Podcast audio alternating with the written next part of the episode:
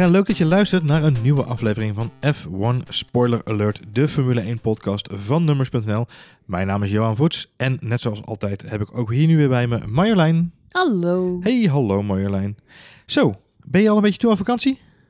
Van de Formule 1 bedoel je? Ja, Formule 1 eh, vakantie. Nee, ik ben nooit toe aan Formule 1 vakantie. Nee, ik heb zo de hekel aan off-season. Het einde nadert. Ik vind dat zo jammer. Ik heb dat, ja, ik heb dat al heel lang. Nou, nou balen wij ervan, maar moet je je voorstellen dat je Daniel Ricciardo bent en, en dat je dit, zeg maar aankomend weekend je honderdste race voor Red Bull gaat rijden en dat het dan ook gelijk afgelopen is. Ja, dat was de laatste race in een prijswinnende auto voor hem. Het was een mooie tijd. Hey, eh, we, we doen een updateje. Ehm, er is namelijk altijd wel weer nieuws tussen de races door. Eh roddels en andere feitjes die we leuk vinden om naar boven te trekken. Mhm. Ehm, wat mij opvalt is, eh, ik weet niet hoe jij erover denkt, om even in het thema vakantie te blijven. Mhm. Volgens mij is Lewis Hamilton al op vakantie gegaan. Wat denk jij?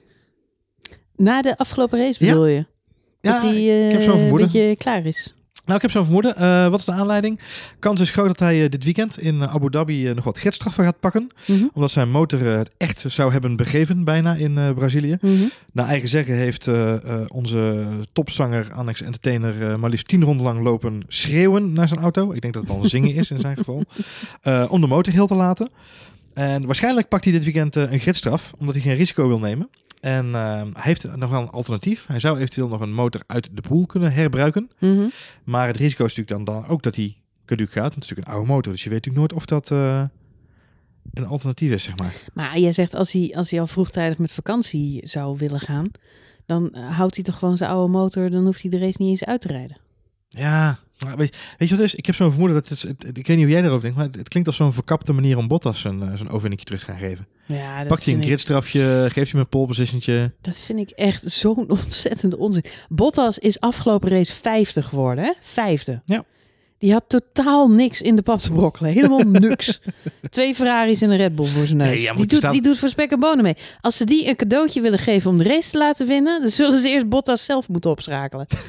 die kan helemaal geen race winnen. Valtteri, je moet wel aan de slag deze race. Ja. Die kun je helemaal niet een cadeau geven aan hem. Dat zit helemaal niet in. Nee, maar het, het is natuurlijk wel, het zou de manier zijn in plaats van zo'n zo'n blatant overtake, zoals ze dat hebben gedaan in Rusland dit jaar, hè, waar Bottas eh, zijn, Ja, zijn koppositie overgaf. Het verhaal met Bottas is natuurlijk, hij heeft een paar circuits die hem heel erg liggen. En Rusland is er daar één van, wat grappig is, want niemand vindt het leuk om in Rusland te rijden. Volgens mij willen die coureurs allemaal zo snel mogelijk weer weg. Het is één gooi- grote dode bende. Dan sta je ook nog met Poetin op het podium. Dus oh, het is gewoon een nare race. En dat is zo'n beetje de enige race die Bottas echt, nou ja, kan dromen. Dus Ja. dat, daar rijdt hij dan heel erg goed. En die had hij misschien ook eigenlijk gewoon moeten winnen. En, oh, en was dit jaar dan. had hij dan ook wel mogen winnen. Ja, begin van het seizoen begon wat sterker. lekker- Maar als je, als je zegt over wie is er al op vakantie, dan heb ik het idee dat Bottas al op vakantie is. Want er komt echt werkelijk waar helemaal niks meer uit. Nou ja, ik, weet het ook niet. Ik weet het ook niet. Ik vind het lastig. Wat ik verrassend vind is ehm, eh, voor jou eh, beeldvorming even. Het is misschien wel leuk om even op een rijtje te zetten. We zijn natuurlijk aan het einde van het seizoen. Mhm. Uh, dus we kunnen ook een lijstje opmaken van, eh, van auto's die dit seizoen eh, eh, hoe hun motorverbruik is geweest. Hè. Er zijn natuurlijk allerlei regels rondom het verbruik van de verschillende onderdelen. Eh ga ze niet allemaal eh, één voor één opnoemen, maar heel simpel gezegd, je hebt een 3-3-2-2 regel. Je mag sommige elementen drie keer, andere twee keer gebruiken. Op dit moment zijn Hamilton, de Ferraris, de Force India's, de Williams auto's, de Haas auto's en Charles Leclerc nog binnen de limiet van de motoren en de onderdelen die ze mogen gebruiken. Wat valt jou op aan dat lijstje? Sorry, nog een keer? Het het hele lijstje nog een keer af voor je? Ik hoorde alleen Charles Leclerc. Oh, dat is, dat is typisch dat je daar blijft hangen. Ja. Ja, toch iets... Ja, goed. Misschien moeten we het daar even na de uitzending even over hebben. Nee, helemaal niet. Op dit moment, ik ga het nog een keer doen, of voor de luisteraars, schrijf vooral mee. Hamilton, Lewis Hamilton, je kent hem. Ja. De beide Ferraris, de beide Force India's, de beide Williamson, beide Haas-auto's en Charles Leclerc zijn nog binnen hun limiet Ah, van ja, daar- daarom bleef het hangen. Dat was de enige naam van de coureur. Nee, Hamilton aan het begin. Ja. Ja, oké. Nou ja, goed. Wat valt op aan het lijstje? Eh, ge- eh, geen Renault-motoren? Dat is eh, heel scherp, maar nog veel belangrijker. Eigenlijk nog veel makkelijker te duiden. Het zijn allemaal Ferraris en Mercedes motoren.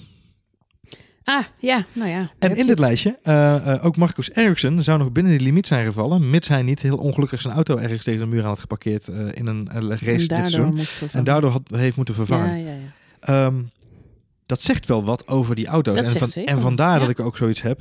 Eh oh, Valtteri Bottas staat hier overigens ook niet in. Volgens mij had dat ook te maken met een crash. eh, waarbij hij zijn eh, wat onderdelen heeft moeten vervangen. Ehm, maar dat werpt me wel een beetje de vraag op. Is hij nou al gewoon verkapt vroeg met vakantie aan het gaan? Of, of wil hij dan toch... Ja, ik weet niet. Ik vind het een raar statement van Hamilton. Waarom zou hij niet gewoon... Om Als- zijn motor te vervangen? Ja. Ja, eh, eh, ik neem aan dat hij nog wel een keer het podium wil rijden. Denk je?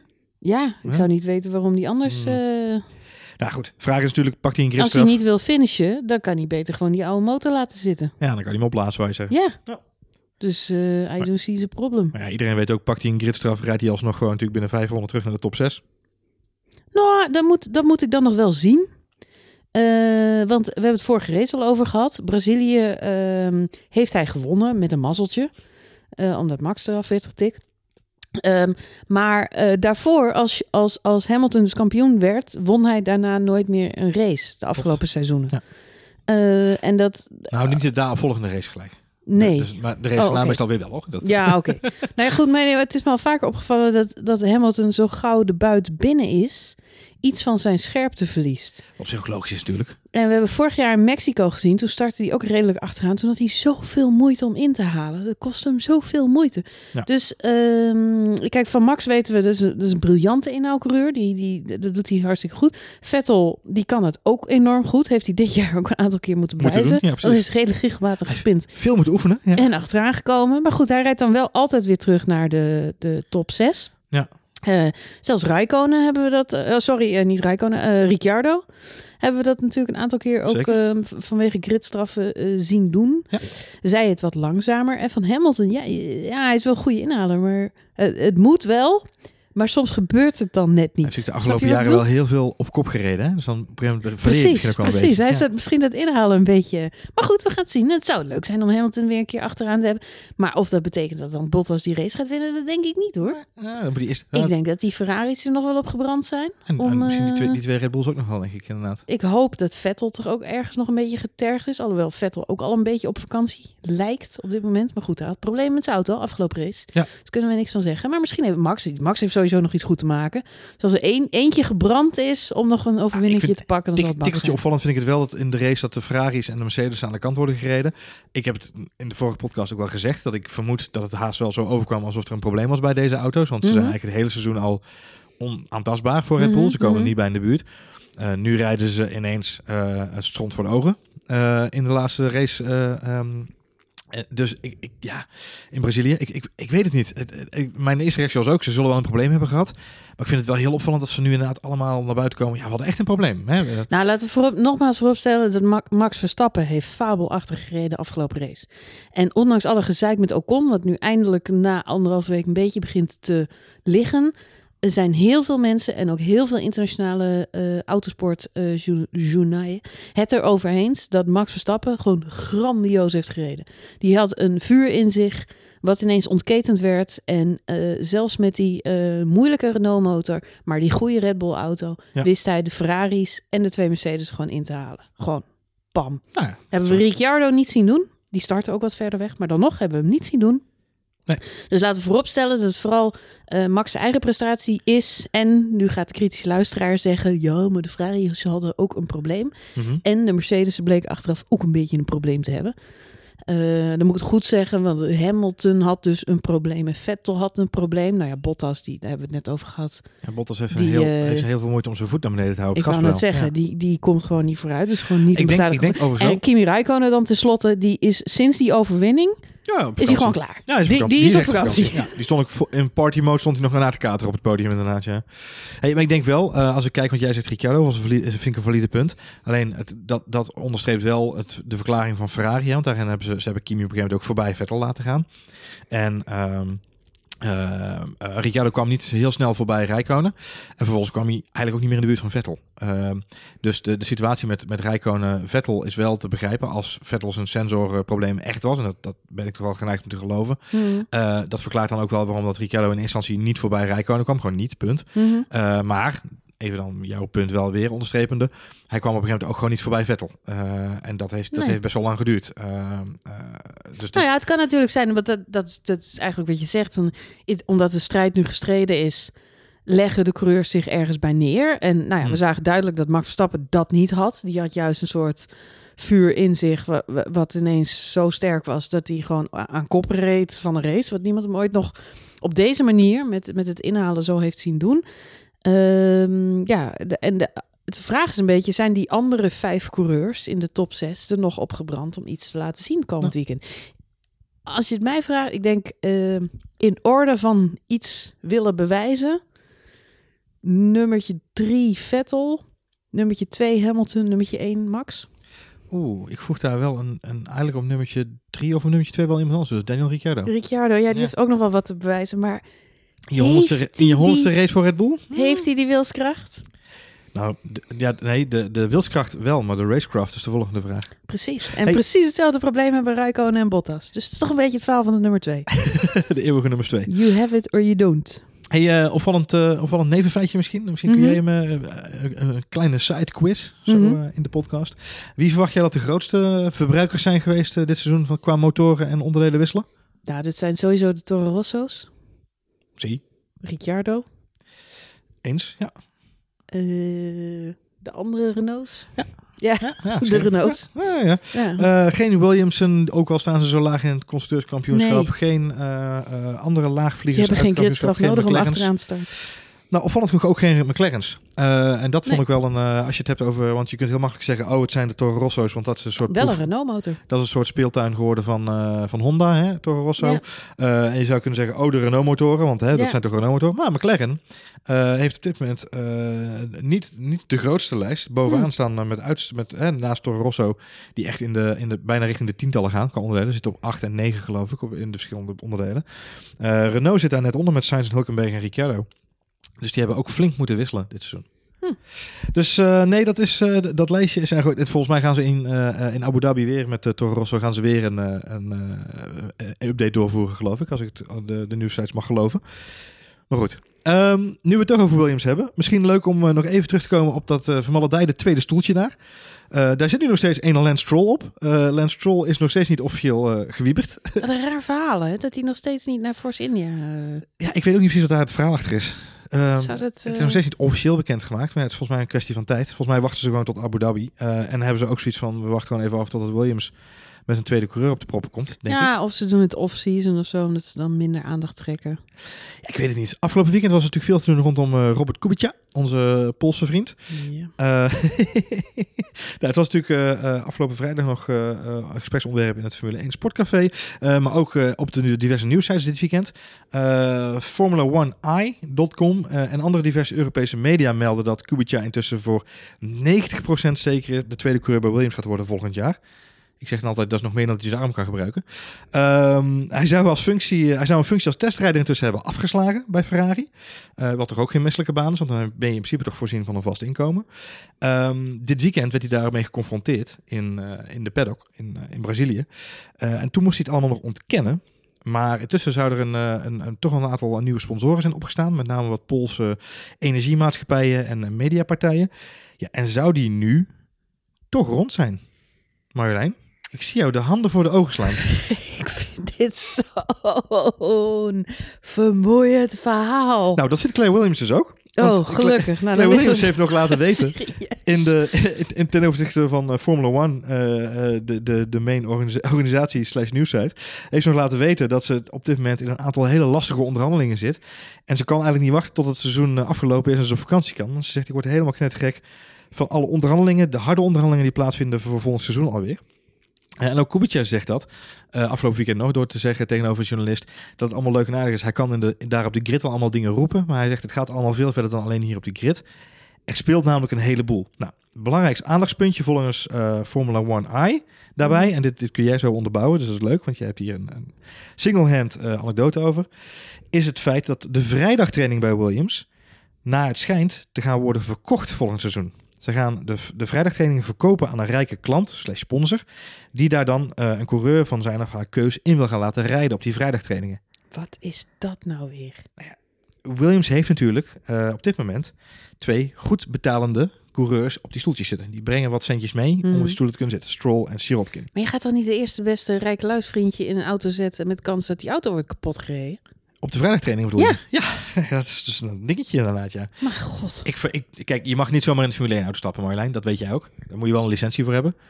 Dus je mag niet zomaar een Formule 1 auto testen. Dus Nee, de maar- persoon die erin komt te rijden is sowieso een gelicenseerd autocoureur. Het is niet zo dat ze jou volgende week bellen en zeggen... Marjolein, heb je zin om een rondje te rijden? Nee, wel leuk maar- zou zijn trouwens. Oh, man, man, man, man, man. Nee, wat, wat jij eh, net eh, op hintte, ik was eh, niet afgelopen week, maar de week daarvoor in Portugal. In Lissabon, om precies te zijn. Daar was de Web Summit, een hele grote techconferentie. En daar waren meerdere sessies rondom Formule 1. Ik heb onder andere Nico Rosberg daar een aantal keer zien spreken.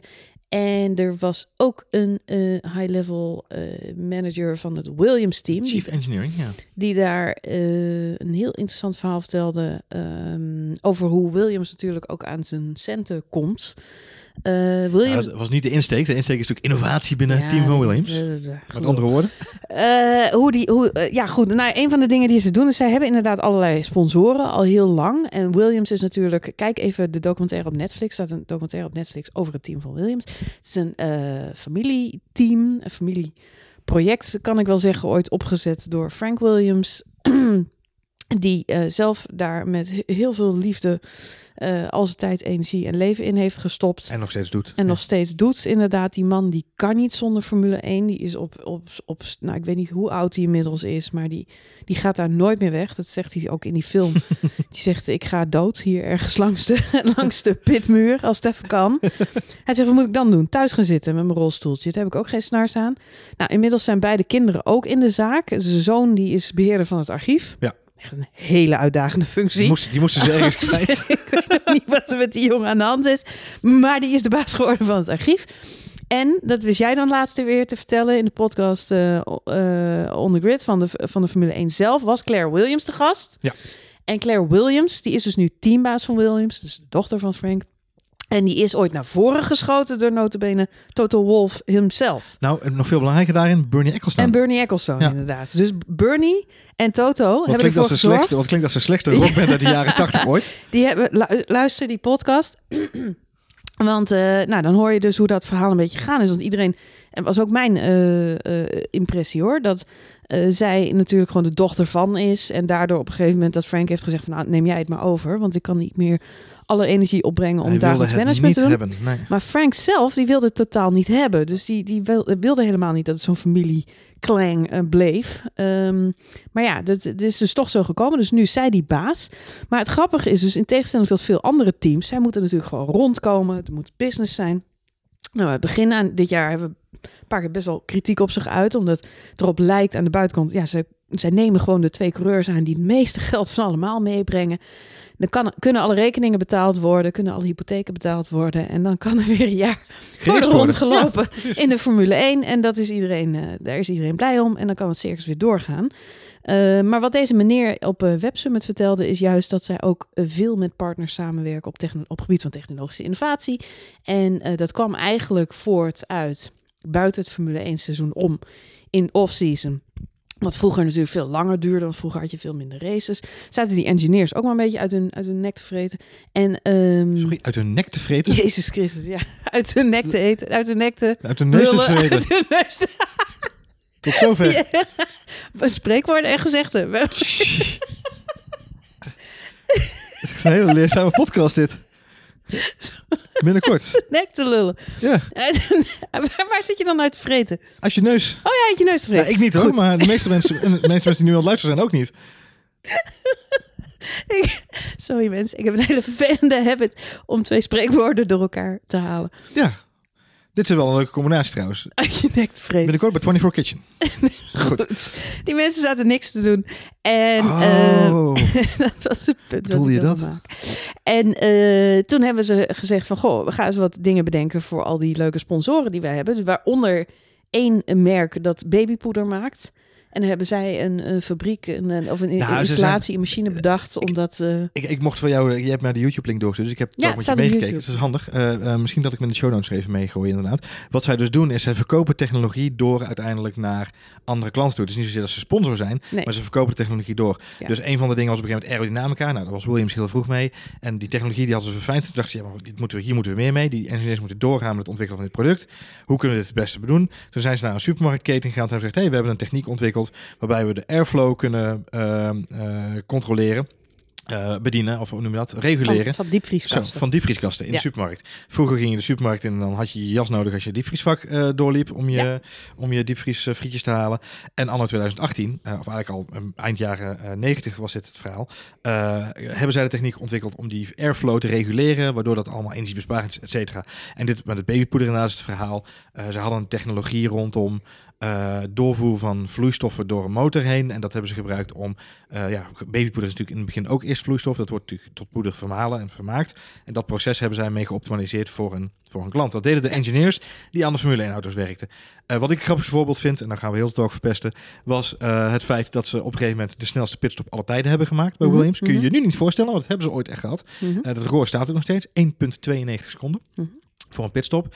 Eh, en toen zijn ze benaderd door eh, de eh, Britse ehm, vereniging voor ehm Oh, vroedvrouwen. vroedvrouwen. Ja. Eh, eh, om daar te komen uitleggen bij, Mhm. op een conferentie hoe ze tot dat teamwork in staat zijn geweest om die situatie, om, de, om zo'n explosieve situatie goed te kunnen managen met z'n allen. Mhm. Nou, dat is een heel proces, want eh, in, de, in, in die talk vertelde de engineer van, van Williams dat de monteurs maar ergens gingen zitten en Jantje ging naar speech zitten, want die kon goed met elkaar vinden. En dan moest er een pitstop komen en dan liepen ze met elkaar door elkaar heen, kriskras. En dat hele proces hebben ze geoptimaliseerd. Nou, dat vertellen ze eigenlijk, dat hebben ze dus in een talk samengevat en dat hebben ze verteld tegenover die Vereniging voor Voetvrouwen die daarmee aan de slag zijn gegaan om te zorgen dat er minder ongevallen zouden zijn. Dus een bevalling kan nu eigenlijk in 1,92 seconden. Ja. plaatsvinden. Ja. Nou, als dat geen gat in de markt is, Ik denk dan toch- weet ik het Ik ook denk niet toch dat je heel raar staat te kijken als vrouw als er dan in één keer zo'n zo'n propgun komt. Zo. of zo, vroedvrouw met zo'n helm op. of, dat dan in één keer de gynaecoloog binnenkomt met een lollipop. Weet je wel? Stop, go. Hey, where's my steering wheel? Steering wheel. steering wheel! Steering wheel. Ehm, goed. Met andere woorden, Williams is een bedrijf, eigenlijk een, echt een bedrijf. Hè? Ze Ja. leveren eh, voor andere dingetjes wat meer autogerelateerd. Ze zijn nu bezig met Aston Martin om de eerste volledige elektrische Aston Martin te bouwen. Ze zijn eh, voor, tot, tot op afgelopen jaar, dus eigenlijk tot op dit seizoen, leverancier geweest van de batterijen in de Formule E. Mhm. Daar stoppen ze nu mee. Ehm, ze zijn samen met Nissan doen ze een partnership rondom die batterijcapaciteit. Ze zijn ook te bedenken van de hybride technologie zoals die nu in de Formule 1 gebruikt wordt Mhm. eh, mede. Dus met andere woorden, de impact van Williams is best wel enorm. En dus is het heel raar om nu dit soort verhalen mee te maken. En dat is een beetje wat jij ook bedoelt. Nou ja, weet je, ik vind het heel goed als je als bedrijf... ehm, Opereert. dat sowieso. Nee, maar als je meerdere businessmodellen onderzoekt. Maar ik moet zeggen, en daar begon deze discussie natuurlijk mee, Robert Kubi- Kubica en, ehm, en het, het stoeltje al dan niet voor 2019. Ja. Man, Williams wet wel op heel veel paarden. En ze hebben wel zo verschrikkelijk veel dingen uitstaan en Ja. belangen en conflicten. En als je nu ook ehm, de situatie hoort met Kubica, hij mag dus inderdaad niet meer met de pers praten. Williams doet er heel panisch over. Het schijnt al een persbericht online te hebben gestaan. Dat is in allerijl weer vanaf getrokken, omdat het niet naar buiten toe mocht. Eh, het is allemaal paniek, paniek, paniek. Moeilijk, moeilijk, moeilijk. Ehm, ja, nou ja, goed. Ja, wel, wel lastig. Maar het, het grappige is wel, eh, dat stoeltje op vrijdag zou dus eventueel... Dat is nu een, een van de punten van de onderhandelingen. Want. Kubica zal natuurlijk ook zoveel mogelijk moeten gaan trainen. Laten we eerlijk zijn, die man heeft niet extreem veel in de Formule 1 auto gezeten de afgelopen Nee. jaren. Eh, wel veel in de sim en ook veel natuurlijk eh, eh, eh, geoefend wel, denk ik. Maar goed, het is geen... hij zal alle tracks opnieuw even tot zich moeten gaan nemen, denk ik. Die vrijdagtraining is dus wel een aandachtspuntje. Dat bedrag wat ze ervoor zullen vragen, dat zal geen misselijk bedrag zijn, want... Dat stoeltje bij Williams is niet bepaald goedkoop waar Kubica op komt. Ehm, dat weten ze intussen ook bij Mercedes. Want Toto Wolff heeft afgelopen weekend nog laten weten tegenover de Braziliaanse krant Globo dat zij niet kunnen betalen wat Williams vraagt om Ocon daar aan boord te krijgen. Met andere woorden, het stoeltje, het tweede stoeltje naast Lennon Norris, is te duur om eh, hem daar aan de praat te krijgen. En dat was toevallig na de race van Brazilië? Dat was voor de race van Brazilië, als ik het goed heb gelezen. Hm, Oké, Dus dat zegt genoeg. jammer. nou ja, ehm, het is wel opvallend eh, dat, dat dus dat bedrag te hoog is voor Mercedes. Mercedes is natuurlijk niet misselijk als het gaat om het geld. Maar hij heeft aangegeven dat zelfs al zouden ze de kosten van de motor die ze natuurlijk Mhm, doorrekenen mhm. aan Williams halveren. Zelfs dan komen ze niet in de buurt van dat bedrag. Nou ja, het is in elk geval eh, indicatief dat eh Ocon definitief niet bij Williams lijkt te gaan rijden. Nou ja, dat, dat is sowieso 2019. prettig. Laten we dat vooropstellen. Alhoewel je nooit weet welk konijn nog uit de hoge hoed komt. Wisten we bij Ricciardo natuurlijk het- ook niet. Het Ocon-konijn. Precies, dus eh, je weet het niet. Maar ehm, Ja, nee, ja. Eh, het zou Kubica kunnen zijn, maar ik denk bij Kubica is het verhaal een beetje, het hangt allemaal van zijn geld af. En eh, Ja. ik zag Robert Doornbos heeft laatst verteld bij Ziggo dat hij ook te maken heeft natuurlijk met een enorme verzekeringspremie Ja. die hij ooit heeft mogen ontvangen omdat hij dat rally-ongeluk heeft gehad. Eh, als hij weer Formule 1 gaat racen, en laten we niet vergeten, Kubica was destijds hard op weg om, eh, werd toch getipt als potentieel wereldkampioen ooit. Ja, klopt. Eh, kreeg toen dat rally-ongeluk en heeft nooit meer Formule 1 kunnen rijden. Dus daarom heeft hij die uitkering gehad. En als hij nu toch weer Formule 1 gaat rijden, moet hij een deel van dat geld weer terugbetalen. Dus privé kost hem dat ook gewoon geld. Ja, hij zal wel gewoon een goed salaris moeten hebben inderdaad. Maar goed, eh, het, is wel echt een eh, racer, zei ook Robert Doornbos, die hem redelijk goed schijnt Hij kennen wil het nog één keer proberen. Maar Geef me ik, eens ongelijk. eh, Overigens, eh, ik zei Lando Norris, ik bedoel natuurlijk George Russell bij... eh ja, bij Williams. Williams inderdaad. Lando ja. Norris gaat natuurlijk naar McLaren volgens mij. Ja. Overigens, diezelfde Toto Wolff was eh, eh, aardig positief over Max Verstappen tegen in de Braziliaanse krant. Hij is wel fan, hè, Toto? Ja, maar hij is natuurlijk ook een van de mensen die hem al heeft geprobeerd te contracteren nog voordat hij bij Red Bull tekende Ja. uiteindelijk. Dus dat is positief. Dat is hij nog steeds. En hij heeft gezegd dat hij op alle mogelijke manieren kun je zien dat hij hier een toekomstig wereldkampioen aankomt. Hij heeft zelfs volgens mij dit weekend zelfs nog tegenover Britse pers laten weten dat hij nog een beetje moet werken aan de ruwe randjes van zijn drivers performance. Maar dat in alle opzichten erop lijkt dat hij toch op weg is naar een toekomstig wereldkampioenschap. No pressure. Alles de dodo. Nou ja, goed. Ik, ik zou ook niet weten wie je anders nu op dit moment moet tippen. Er loopt natuurlijk nog meer talent rond in de Ja. Formule 1, maar die zitten allemaal nog niet in goede auto's. Ik ben heel benieuwd volgend jaar eh, Norris, eh, Russell, Leclerc. Ehm, Gasly en Leclerc wordt interessant, want die zitten ook echt in goede auto's. Ja, Gasly moet ik nog maar eens even zien. Afgelopen weekend ook weer, eh, eh, vorig weekend eigenlijk, ook weer. Mwah. Hm. Dus weet je, er zit een heleboel potentie in. Ik denk dat het, een, eh, dat het allemaal mensen zijn, vooropgesteld, het zijn allemaal mensen die kunnen autorijden, anders zit je hier niet. Mhm. Ehm, maar ik denk dat er best wel potentie in, in Gasly zit. Eh, de vraag is alleen of je bij een, als je ergens die potentie uit wil halen, is het bij een team Mhm. als Red Bull, dat wel. Voor Leclerc geldt voornamelijk ook, ja, weet je, die druk bij Ferrari is immens volgend seizoen. Het is, denk ik, volgend seizoen het afscheidsseizoen van Sebastian Vettel. Mhm. En er is heel veel aangelegen hoe die eerste twee, drie races gaan lopen. Het afscheidsseizoen van Vettel, bedoel je het afscheidsseizoen van de sport of van Ferrari? Nee, van Ferrari. Ik denk dat ze bij, eh, dat ze, na, als hij volgend seizoen geen wereldkampioen dat ze hem eruit. Oeh. Ja, er zitten wel heel veel mensen op. Er kunnen heel veel mensen op zo'n stoeltje zitten. En hij is wel heel duur. Ja. Ik denk dat de afkoopsom ook niet laag zal zijn hoor. Maar het zou mij niet verbazen als het, het, eh, dat het een duur seizoen gaat worden voor Sebastian Vettel volgend jaar. Hmm. Misschien mag je dan wel tweede coureur worden bij eh, Red Bull.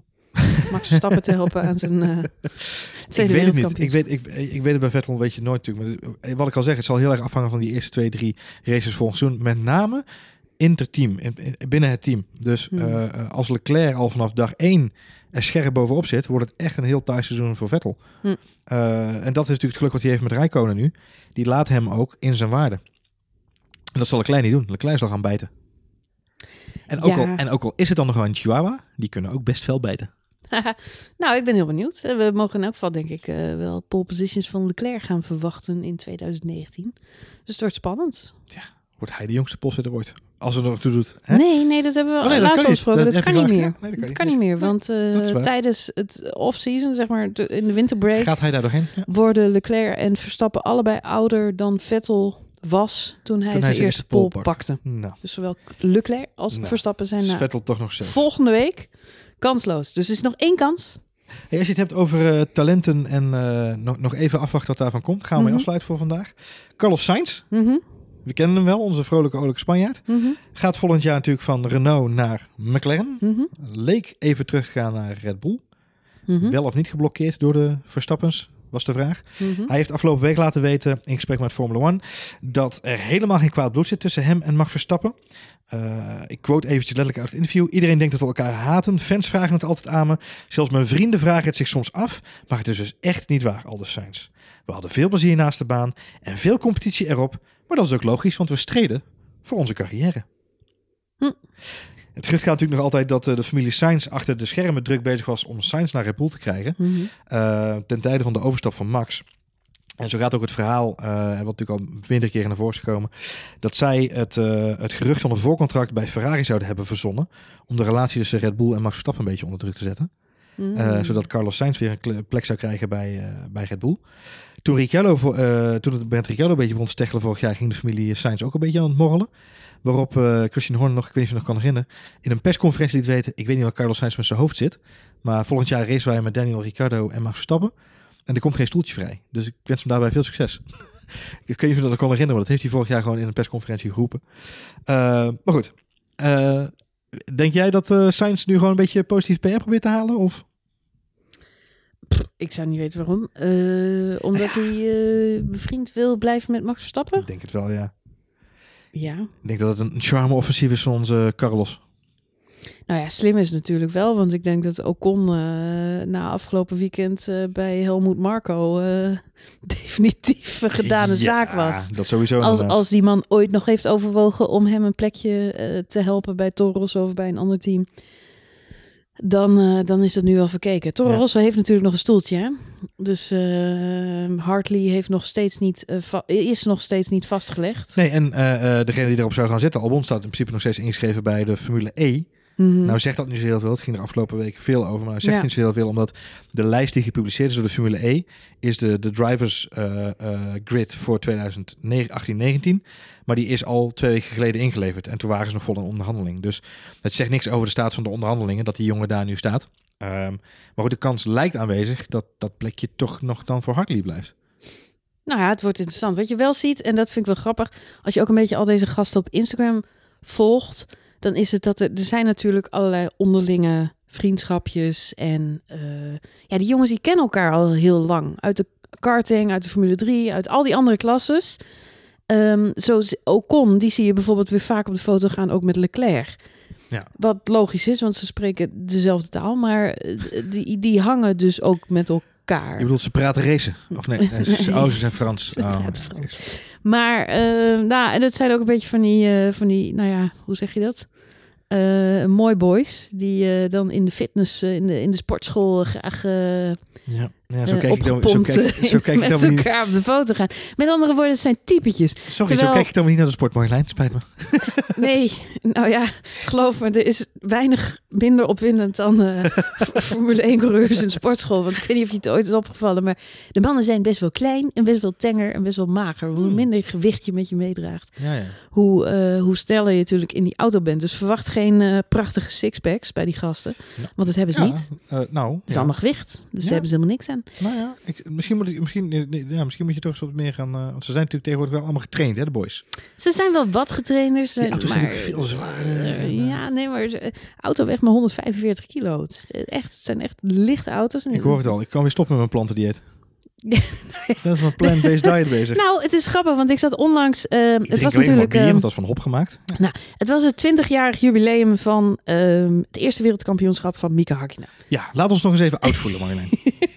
Ja, dat voel ik me inderdaad heel Ja, oud. lekker confronterend. 1998. Wat had je nou vanochtend? Je vertelde nog het ook. Dus, wat is nou? Oh, je vertelde de... 20 jaar geleden. Dat, Lekker, deel deze nog even met iedereen. Even onder, om echt even onze nerdstatus te verhogen. Dames en heren, het is vandaag 20 jaar geleden dat de trailer van Star Wars The Phantom Menace online verscheen. 20 jaar geleden. Oké. Toen kon je het internet ook al stuk maken. En dat ging stuk. Want op starwars.com werd namelijk deze trailer geplaatst. En die kon je downloaden, Ja. dat filmpje. En dan kon je dan op QuickTime, op je eigen computer, kon je het afspelen. Eh, niet En via, YouTube bestond nog niet. maar niet via, 20 real, jaar niet via. Real Player? Nee, volgens mij was het alleen QuickTime. Oh, alleen QuickTime. Apple Trailers bestond al wel en daar verscheen hij ook. Oh. Het is 20 jaar geleden en dit was zes maanden voordat de film zelf in première ging. Het is eigenlijk grappig, want ik heb de film pas in 99 gezien. Maar het had natuurlijk mee te maken dat hij in Amerika destijds nog veel eerder in première ging dan in Nederland. Vroeger kwamen films echt later naar Nederland. Tot zover deze snippet van de podcast. Phantom Menace.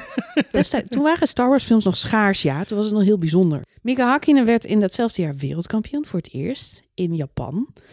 En eh, wat heel grappig is, is... eh, eh, nou, ik heb van de week... Ik, ik, heb, ik heb opgezocht op YouTube. Want ik ben zelf in 98 naar de Nürburgring geweest. Ja. Dat is de race voor Japan. eh, waar hij won. En daar min of meer eigenlijk al het kampioenschap besliste. Want op dat moment was er één punt verschil met Schumacher. Hij won de race in Duitsland. Formeel de Grand Prix van Luxemburg op dat moment. Nee, Grand Prix van Europa heet het. Nou, volgens mij was dat jaar Luxemburg. Het wisselde Oh, een beetje. was dus Europa. Luxemburg. af. Maar goed, hij won daar. eh, liep daardoor uit in punten. En lag gewoon, had gewoon het voordeel in die laatste race. En dan moet niet vergeten, dit was de tijd dat Schumacher gewoon... Ongenaakbaar was. Ja. Nee, nee, nog niet. nee? Want hij zat net bij Ferrari. Nee, dat. Ferrari Ja, wat, klopt, ja. wat een shit auto. Dus Schumacher moest daar eerst wat ander werk verrichten.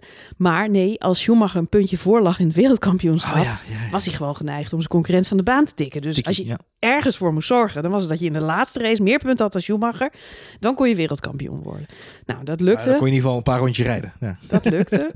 dus ik heb eerst de Grand Prix van Nürburgring helemaal terug zitten kijken. Wat echt hilarisch is. Ik kan het iedereen aanraden. Zoek het op op YouTube. Twee uur integraal. Super saaie race. En daarna, daarna heb ik de Grand Prix van Suzuka nog in, in, in... Ik heb een paar keer geskipt. Maar die heb ik ook nog terug zitten kijken. Want Schumacher moet uiteindelijk achteraan starten. En, eh, en daardoor wint. eh, en hij valt ook uit ergens in de race. Dus eh Hakkinen wint daar zijn eerste overwinning. Nou, een paar dingen die opvallen. Eén is Formule 1 was echt onwijs saai toen. onwijs saai. Want die auto's, nou wat grappig is, die auto's glibberen alle kanten op. Die dingen zijn bijna niet op de baan te houden. Als iemand een inhaalmanoeuvre inzet, nou, dan tetteren vijf auto's door het gras. Want, want, want iedereen glipt eh, van die baan af. Dus dan zie je echt dat de downforce en het gewicht van die auto's is tegenwoordig... Nou ja, mensen zeggen wel eens de sport is niet meer spannend. Maar als je een, race van 20 jaar geleden vergelijkt met nu... is het echt veel en veel spannender. Er is echt close racing nu. En dat zag je toen gewoon veel en veel en veel minder. Dus als je dat gevoel wel hebt dat het vroeger spannender was... kijk alsjeblieft een race uit 98. Het was niet spannender. En met name, nou ja, Schumacher was natuurlijk altijd al eh, vrij snel. Hij, hij startte vanaf pole position in Duitsland. Je ziet hem binnen vier ronden ligt hij al vijf seconden op kop. Weet je, zo snel loop je uit. tegenwoordig ook wel een beetje natuurlijk. Nou, minder, minder. Het valt mij op, maar ze liggen vaak, eh, zeker, dan gaat de DRS aan. Dan zitten er nog een aantal coureurs binnen DRS. Ah. Ja, en- dat is waar. ja. Maar dus het dat wel- is toch, ja. dus dat close racing, dat heb je nu veel meer dan vroeger. Eh, maar een ander ding wat opvalt, Mieke Hakkinen, en hij zei het laatst zelf ook in een interview, die, die, dat was best wel een brede vent. Ja. En nu is hij nog breder. dus hij zei onlangs van ja, ik zou best wel weer willen racen, maar ik pas niet eens in zo'n auto van nu. Dus er is ook wel degelijk veel veranderd in eh, de fysiek die eh, coureurs hebben. Eh, Schumacher was nooit een hele brede gast. Maar als je de coureurs van vroeger nu ziet, naast de mannetjes van nu. Ik zag ook een foto langskomen van bijvoorbeeld Ha- Hakkinen en Räikkönen naast elkaar van een tijdje terug. Zie je Räikkönen zijn kop kleiner, een stuk smaller. En dan zou je zeggen, want Räikkönen eh, hè, op beeld lijkt het ook een grote vent. Maar nou, ik heb Nico Rosberg eh, vorige week eh, in, het, in het echt gezien. Dat is gewoon een klein eh, jongetje. Ja. dus, Jawel, maar als je kijkt, en, en dat, je zegt het terecht inderdaad, dat er is natuurlijk veel aan verandering onderhevig. We hebben deze, dit gesprek al eens eerder gehad in een van de eerdere afleveringen van Spoilerhurt. Volgend jaar gaan natuurlijk weer regels veranderen. Ja. En deze jongens zijn wel, zijn wel atleten die hun sportfysiek, hun, Ja. eet, hun eetpatroon, hun leefpatroon, hun sportpatroon aanpassen op wat ze kunnen binnen die auto. zeker. Als je nu kijkt naar Lewis Hamilton nu, en zeker als hij een hippe foto maakt op Instagram eh, op het strand, ten opzichte van Lewis Hamilton 2008, 2009, Mhm. dan heeft hij niet alleen nu meer haar, dankzij de en haarimplantaten. meer tattoos. En meer, ja, precies, meer plakplaatjes. Maar hij is ook wel daadwerkelijk meer getraind, meer gespierd. Ja, maar nou is Lewis Hamilton wel een, als je de foto's bekijkt, wel een van de meest gespierde coureurs. Ja. Maar er kan natuurlijk ook. eh, Photoshop zijn. nou ja, ik, ik heb een tijdje in de media gewerkt. Er zijn genoeg mensen die bekend zijn die zichzelf laten photoshoppen.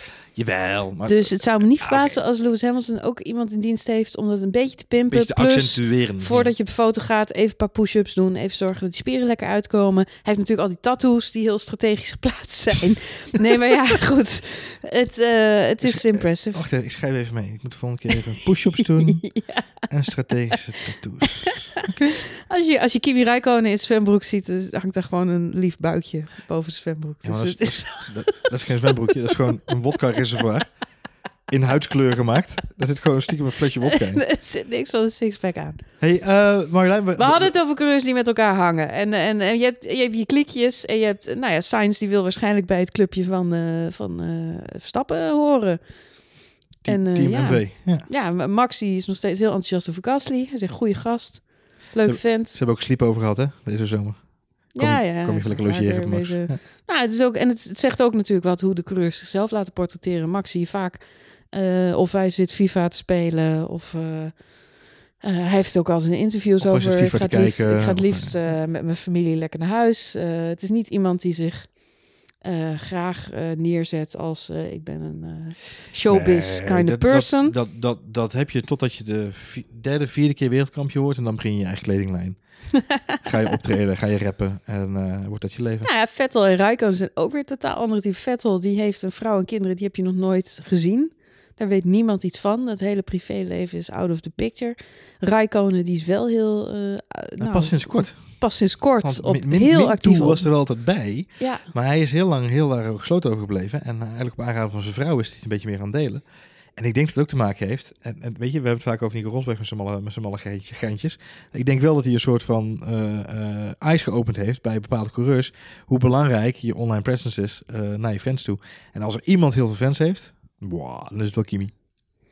ja dat, dat is waar. Dus dat moet je wel nutten. En elke coureur doet het op zijn eigen manier. Dus eh We gaan het zien eh, richting eh, Abu Dhabi eind deze week. signs alweer. once in with one of the crews. Ja, totdat hij een contract tekende met McLaren. Pam, pam, pam, pam. Da, da, da, da. Tot zover deze aflevering van F1 Spoiler Alert. Wil je reageren? Dan kan dat het beste altijd via de Twitters. Dat kan naar Ed Marjolein. of naar Johan Voets. Eh, of je laat gewoon even een reactie achter eh, eh, in Apple Podcast als je ons daar vandaan luistert. Zo niet, we zijn ook te vinden in Spotify, Google Podcast, TuneIn, et cetera, et cetera, et cetera. Laat altijd even een reviewtje achter bij Apple Podcast als je hem dan toch daar luistert. Want dan weten weer meer mensen onze podcast te vinden. En dat vinden we natuurlijk altijd leuk. Tot zover. We gaan op weg naar Abu Dhabi. Heb je zin in de mooie lijn? Ja, nou ja, wel Ja. jammer dat het laatste is. Het, nu is het leuk totdat het vuurwerk boven die baan verschijnt. We die boten zien liggen in de Oh. jasmarine. En dan is het janken. Nog één keertje. Nog één keertje. Nog één keertje max. Nog één keertje max. Zou mooi zijn. Dan gaan we maximaal genieten.